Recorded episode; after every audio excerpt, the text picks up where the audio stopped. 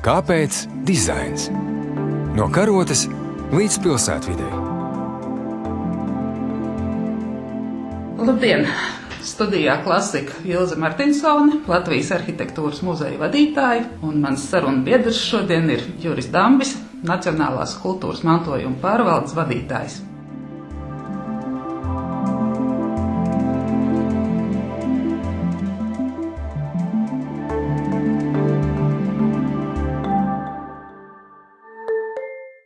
Nākošās Eiropas kultūras mantojuma dienas Latvijā ir veltīts ilgspējīgam kultūras mantojumam. Un šī doma man rosināja uz kaut ko pilnīgi pretēju, jo mums ir mantojums plašākā nozīmē. Ne tikai mantojums, kas ir ar oficiālu statusu aizsargāts, bet pēckara laika mantojumam vispār ilgspējīgi nepiemīt, tāpēc ka celšanas kvalitāte ir bijusi diezgan nožēlojama. Un otra lieta, man liekas, kā mēs sabiedrībā asociējam pēckara laika arhitektūru, jo nevienam nav šaubu, ka padomu laikā radīt mūziku ir izcila Imants Kalniņš vai glezniecība Boris Bērziņš Neviens šo kvalitāti neapšauba, bet tikko iet runa par padomju laikā uzbūvētām ēkām, sabiedrības apziņa tūlīt mainās. Vajag ņemt buldozeri un lielāko daļu no tā šķūrēt nost, kam es negribētu piekrist, jo arī arhitektūrā varēja un tapa labi objekti pat tad, ja tie nebija pietiekami kvalitatīvi uzbūvēti. Šajā rudenī, oktobras beigās, notika Startautiskās kultūras mantojuma aizsardzības organizācijas ICOMOS Latvija organizēta konferences, kas bija lielā mērā veltīta tieši pēckara mantojumam, un tur uzstājās mūsu lielākie vēsturnieki arhitektūras Jānis Lēnieks un Jānis Krastiņš, un viņu referāti bija interesanti. Bet tas nobeiguma akcents arī bija sūrs, ka neviens ne otrs neredz potenciālu kādā veidā to saglabāt. Mans pirmais jautājums Jurim Dāmbim, ko mēs uzskatām par kvalitatīvu pēckara laika arhitektūru? Kādi ir šie kritēriji, ko vajadzētu saglabāt autentisku un ko varbūt pat vajag pārbūvēt un pārzīmolot? Tas ir um, ļoti grūts jautājums. Jāskatās uz arhitektūru plašāk. Arhitektūra ir māksla veidot kvalitatīvu cilvēku dzīves telpu, un uh, arhitektūra ir viena no vissarežģītākām mākslas nozarēm, kur uh, šo darbu kvalitāti ietekmē ne tikai idejas un laikmets, bet arī tās tehniskās varēšanas iespējas. Ja mēs skatāmies no kultūras mantojuma saglabāšanas viedokļa, tad agrākais princips bija tāds, ka saglabāts tiek izcilākais no tā, kas ir izturējis laika pārbaudījumu. Ja mēs skatāmies katrā valstī uz valsts aizsargājumiem kultūras pieminekļiem, tad um, vismazāk varbūt uh, tos sarakstus veidot senākais mantojums un arvien vairāk mantojuma sarakstos iekļūst 20 gadsimta kultūrvēsturiskās vērtības. Līdz ar to sabiedrība jau ir pievērsusi uzmanību ne tikai tam senākam arhitektūras posmam, bet eh, arī pavisam nesen radītām arhitektūras vērtībām. Bet ko tad darīt ar to padomu laiku mantojumu? Tas, kas ir radīts modernismu laikā, Protams, ir kultūra vēsturiska vērtība, tā ir māksla, tā ir kultūra.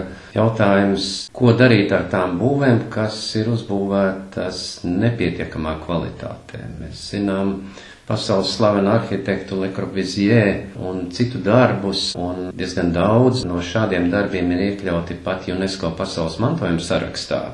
Tad, ja mēs salīdzinām ar mūsu situāciju Latvijas gadījumā, Šis periods bieži ir pārstāvēts tādā nekvalitatīvā izpildījumā un atbilstoši tā laika iespējām, bet atkal, ja mēs paskatāmies, ir pietiekami daudz arī tādi objekti, kas šodien vērtējot, skatoties par pārsteigumu, ir uzbūvēti tādi, kas varēs pastāvēt arī ilgtermiņā. Līdz ar to būs pietiekami arī daudz tādu objekti, kurus, ja sabiedrības attieksme būs labvēlīga, tad saglabās un vienu daļu nāksies nojaukt kā mūsu dzīves kvalitātei un iespējām neatbilstošu. Tad ir jautājums, kā tad rīkoties ar šīm ēkām. Protams, ka viena liela daļa paneļa ēkas, kuras nav energoefektīvas, kuras no plānojuma viedokļa ir grūti izmantot, nu, vai tad sabiedrībai vajadzētu ieguldīt liels resursus, lielākus varbūt nekā uzbūvēt kaut ko jaunu un tādā veidā paciest to, kas ir radīts neatbilstoši ilgtermiņa pastāvēšanai. Noteikti nē, sabiedrība izšķirsies un to noārdīs, nojauks jautājums, kā to izdarīt. Un ko mēs darām ar tām konstrukcijām, vai mēs cenšamies zaļi domāt un izmantot no šīm mēkām kādas daļas, kādas fragments vai materiāls censties otrais iebūvēt, tas būtu atbildīgāk pret nākotni. Un vienu daļu ēkas arī pasaulē, Vācijā ir labi piemēri, ka izdodas pārvērst par tādiem objektiem, kas veido kvalitatīvu vidi. Šīs ēkas turpina dzīvot savu nākamo dzīves posmu. Līdz ar to es neskatītos tā ļoti skeptiski uz saglabāšanas iespēju, bet mums jābūt realistiem un jāsaprot, ka par katru cenu pilnīgi visu saglabāt arī nav jēgpilni.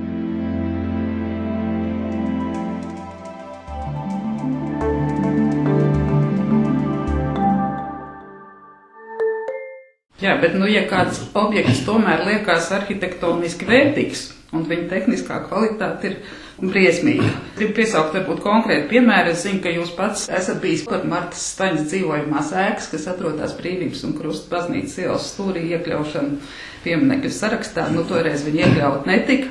Tagad māja lēni iet bojā un nav vispār tādu materiālu šodien, lai viņu restaurētu. Tur ir izmantots tāds materiāls stemalīts, ko šodien vispār vairāk neražo. Vai mēs varam iestāties par šo māju kaut kādā veidā, ja mums ļaut, lai viss notiek, kā tas notiek? Manuprāt, ar vien vairāk mums jāpanāk tāds stāvoklis vai tāda situācija, ka pati sabiedrība grib saglabāt kultūrvēsturiskas vērtības, un pašā sabiedrībā rodas pozitīva attieksme pret agrāk radītām vērtībām. Un tad, ja sabiedrība vēlas saglabāt, tad noteikti var atrast risinājumus konkrētai Martas Staņas projektētāji ēkai.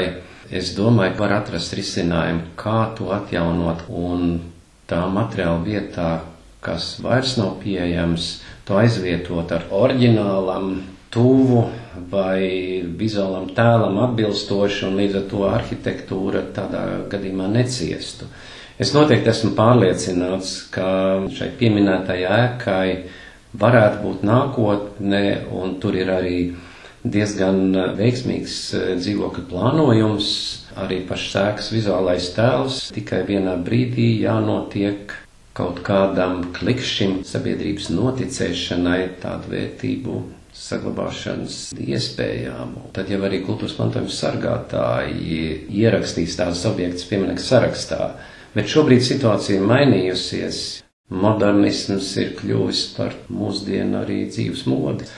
Līdz ar to saglabāšanas iespējas ir daudz lielākas. Protams, tas saistīts arī ar kādiem izdevumiem. Es arī Šveicē vienu Le Corbusier radīt ēku, apmeklēju un jūsmoju par restaurācijas kvalitāti un par veidu, kā šī konkrēta ēka bija saglabāta, atjaunota un ar kādu pārliecību un aizrautību šīs mājas iedzīvotāji paši stāstīja un lepojās ar šīm kultūrvēsturiskām vērtībām. Jā, tad, kad jūs to sakāt par to, ka aizvien vairāk īpašnieki sāk novērtēt un sabiedrību šādas ēkas, es atcerējos, man liekas, lielākais restaurācijas modernismu piemērs ir Narkomfina ēka, Krievu lielā modernista Ginsburga veikums, kas ir tagad restaurēts tādā līmenī, līdz tādām detaļām, ka tas ir neiedomājami.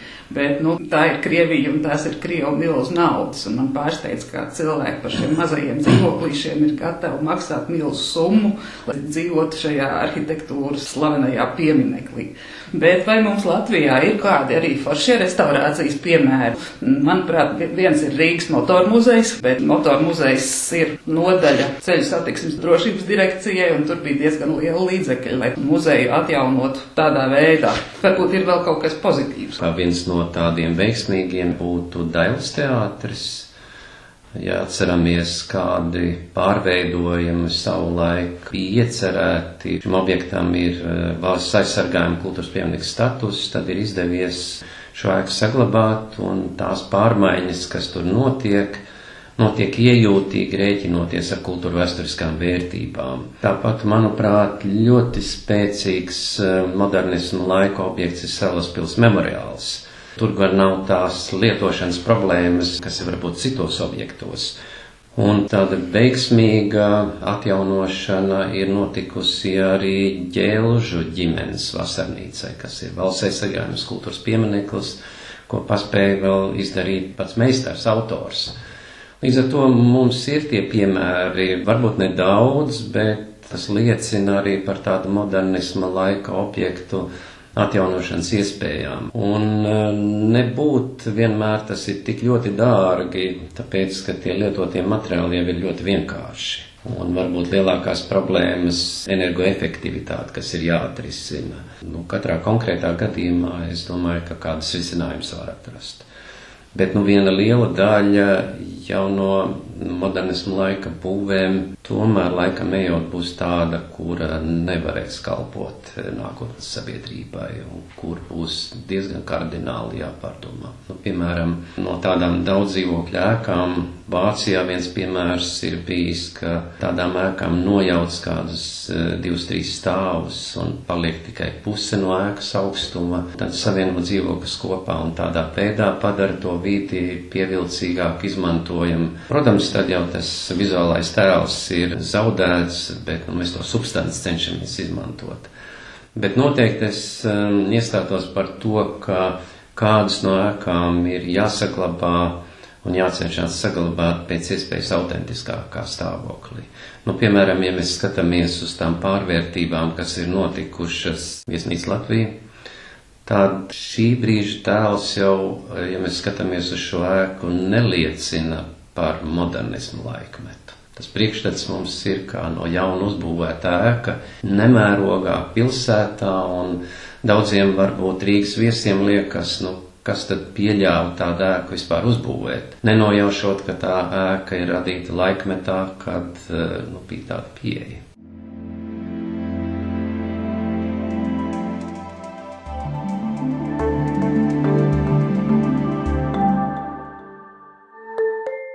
Jā, man liekas, ka tas ir bēdīgākais tad, kad ēka zaudē identitāti, kad mēs vairs nesaprotam, kuram laikam viņi īsti pieder. Bet par viesnīcu Latviju ir stāsts tāds par modernismu kopumā. Modernismam nevar piemērot visus tos kritērijus, ko mēs ierasti varbūt piemērojam vēsturiskai arhitektūrai. Modernisms agresīvi pārkāpa sarkanās līnijas un pats agresīvi izturējās pret vēsturi un nojauc vesels kvartāls. Un viesnīcas Latvija ideja bija radīt tīru lauku un tur vertikāli vidū. Tā bija arhitekta tā laika telpiskā ideja. Tagad, kad tur viss ir aizbūvēts ciet, tad tiešām vairs nevar saprast kā tas ir bijis un kam tas ir domāts, un ir tā identitāte ir zudusi. Es cenšos modernismu laika arhitektūru dalīt divās lielās grupās. Tā viena daļa būtu tās ēkas, kas izceļās ar savu estētisko, savu funkcionalitāti, detaļu risinājumiem, materiālu lietojumu prasmi Es uz tām ēkām skatos kā uz sava laikmeta progresu mākslas darbiem. Šīs ēkas būtu jācenšas saglabāt um, kā tādu pozitīvu laikmeta zīmi. Un tad ir tādas ēkas, kuras ir iebūvētas vidē, kur uh, raksturīgas ir citas kvalitātes.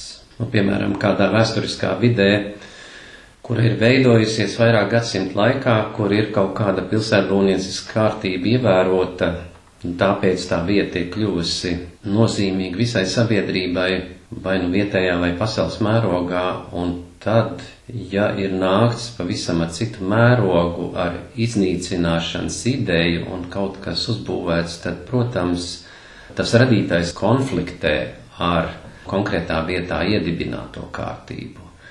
Un tad jautājums, ko darīt ar šādām būvēm. Ja mēs tās saglabājām sākotnējā veidolā, tad jā, tad tā ir laikmeta zīme, un tādā brīdī, kad mēs tās ēkas mēģinām pārveidot, uzlabot, un tās iegūst pavisam citu tēlu, tad tas konflikts ar vidi veidojas vēl lielāks.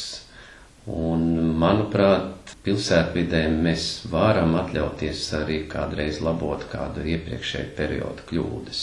Mm, vissliktāk būtu, ja šādu agresīvu metodi sabiedrība censtos turpināt tādā vēsturiskā vidē un būvēt jaunu un jaunu objektu klāt, kas neatbilst vidas mērogam, raksturam, tad mēs ejam ar tādu vides izārdīšanas politiku.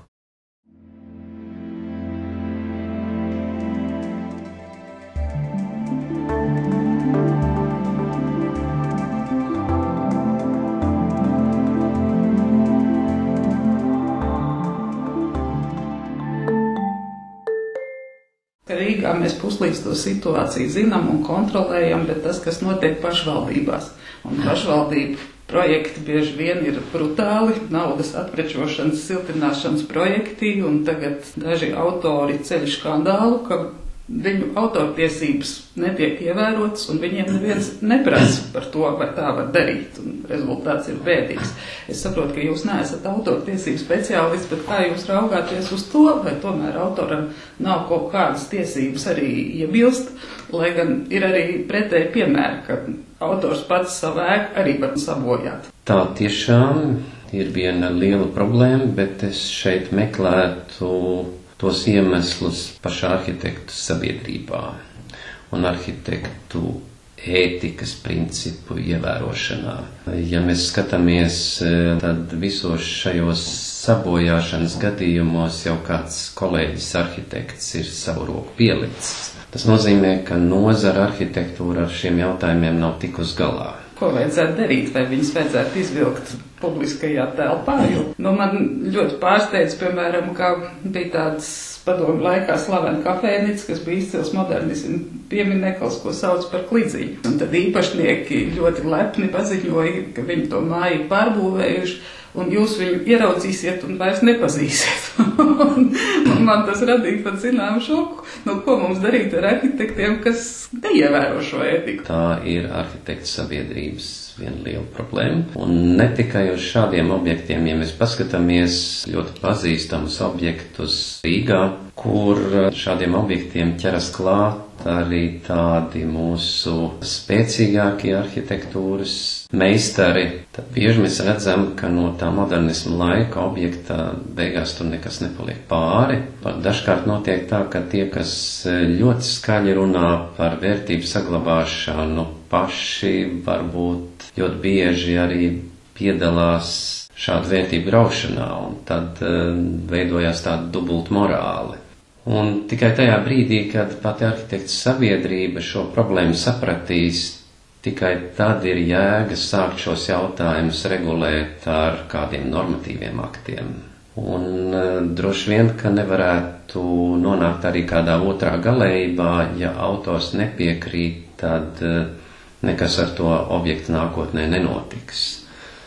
Jo nu, objekta radīšanai ieguldīt ievērojami līdzekļi, un objektu uzturēšanai tiek ieguldīti ievērojami līdzekļi, līdz ar to nu, tādu pilnīgu gala vārda noteikšanu sākotnējā objekta autoram arī nevarētu uzticēt.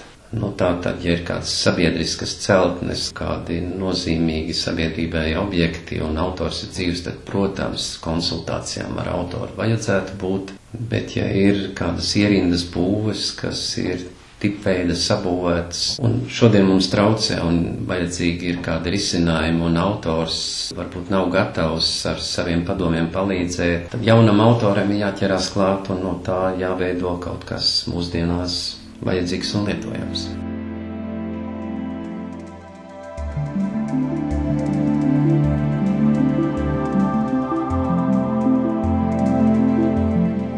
Teikšu paldies par sarunu. Studijā klasika bija Ilze Martinsone, Latvijas arhitektūras muzeja vadītāja, un Juris Dambis, Nacionālās kultūras mantojuma pārvaldes vadītājs.